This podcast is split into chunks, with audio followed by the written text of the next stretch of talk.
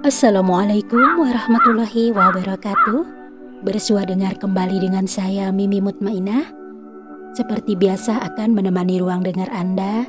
Kali ini saya akan membawakan sastra yang berjudul Delusi Kenikmatan. Buah karya dari bunga padi. Jangan ke mana-mana, ikuti selengkapnya di podcast Narasi Pos.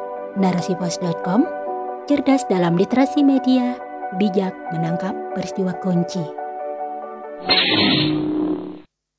Alam fana, kehidupan sementara, berhiaskan kilau cahaya yang memperdaya. Manusia hanyut tenggelam dalam kenikmatan buana. Seakan hidup seribu tahun lamanya, hingga linglung bila kematian telah mengintainya.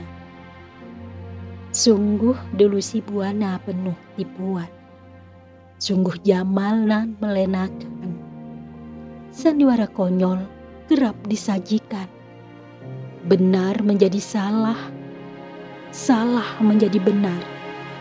Kepalsuan terus menampakkan parasnya.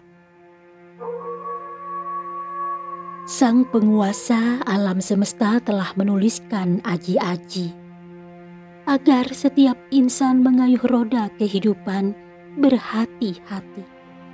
Kala terhampar harta dan tahta, kenikmatan menggoda rasa. Kesenangan sesaat menipu mata, sungguh perhitungannya tiada lupa. Di Buana, nista berbalut kemewahan. Di akhirat, kesenangan yang dipuja kelak sirna. Tinggallah runtuh penyesalan akibat berbukit-bukit dosa. Namun, menyesal di akhir tiada berguna kecuali tobat nasuha. Imam Syafi'i penghulu agama telah merangkai petua. Jangan genggam kefanaan di batin. Cukup benua sebatas tangan berlabuh. Ingatlah, tatkala nyawa berlepas dari tubuh, hanya amal saleh menjadi suluh. Jangan keliru memilih benang. Jangan salah melangkah mengayun Betapa bahagia nurani dalam naungan kasih sayang, berbingkai akhlak dan takwa yang tersusun. Buana dengan pernak-perniknya, bila jauh terlihat anggun dan memikat jiwa. Bila dekat, bagai bunga dipetik layu tak berharga.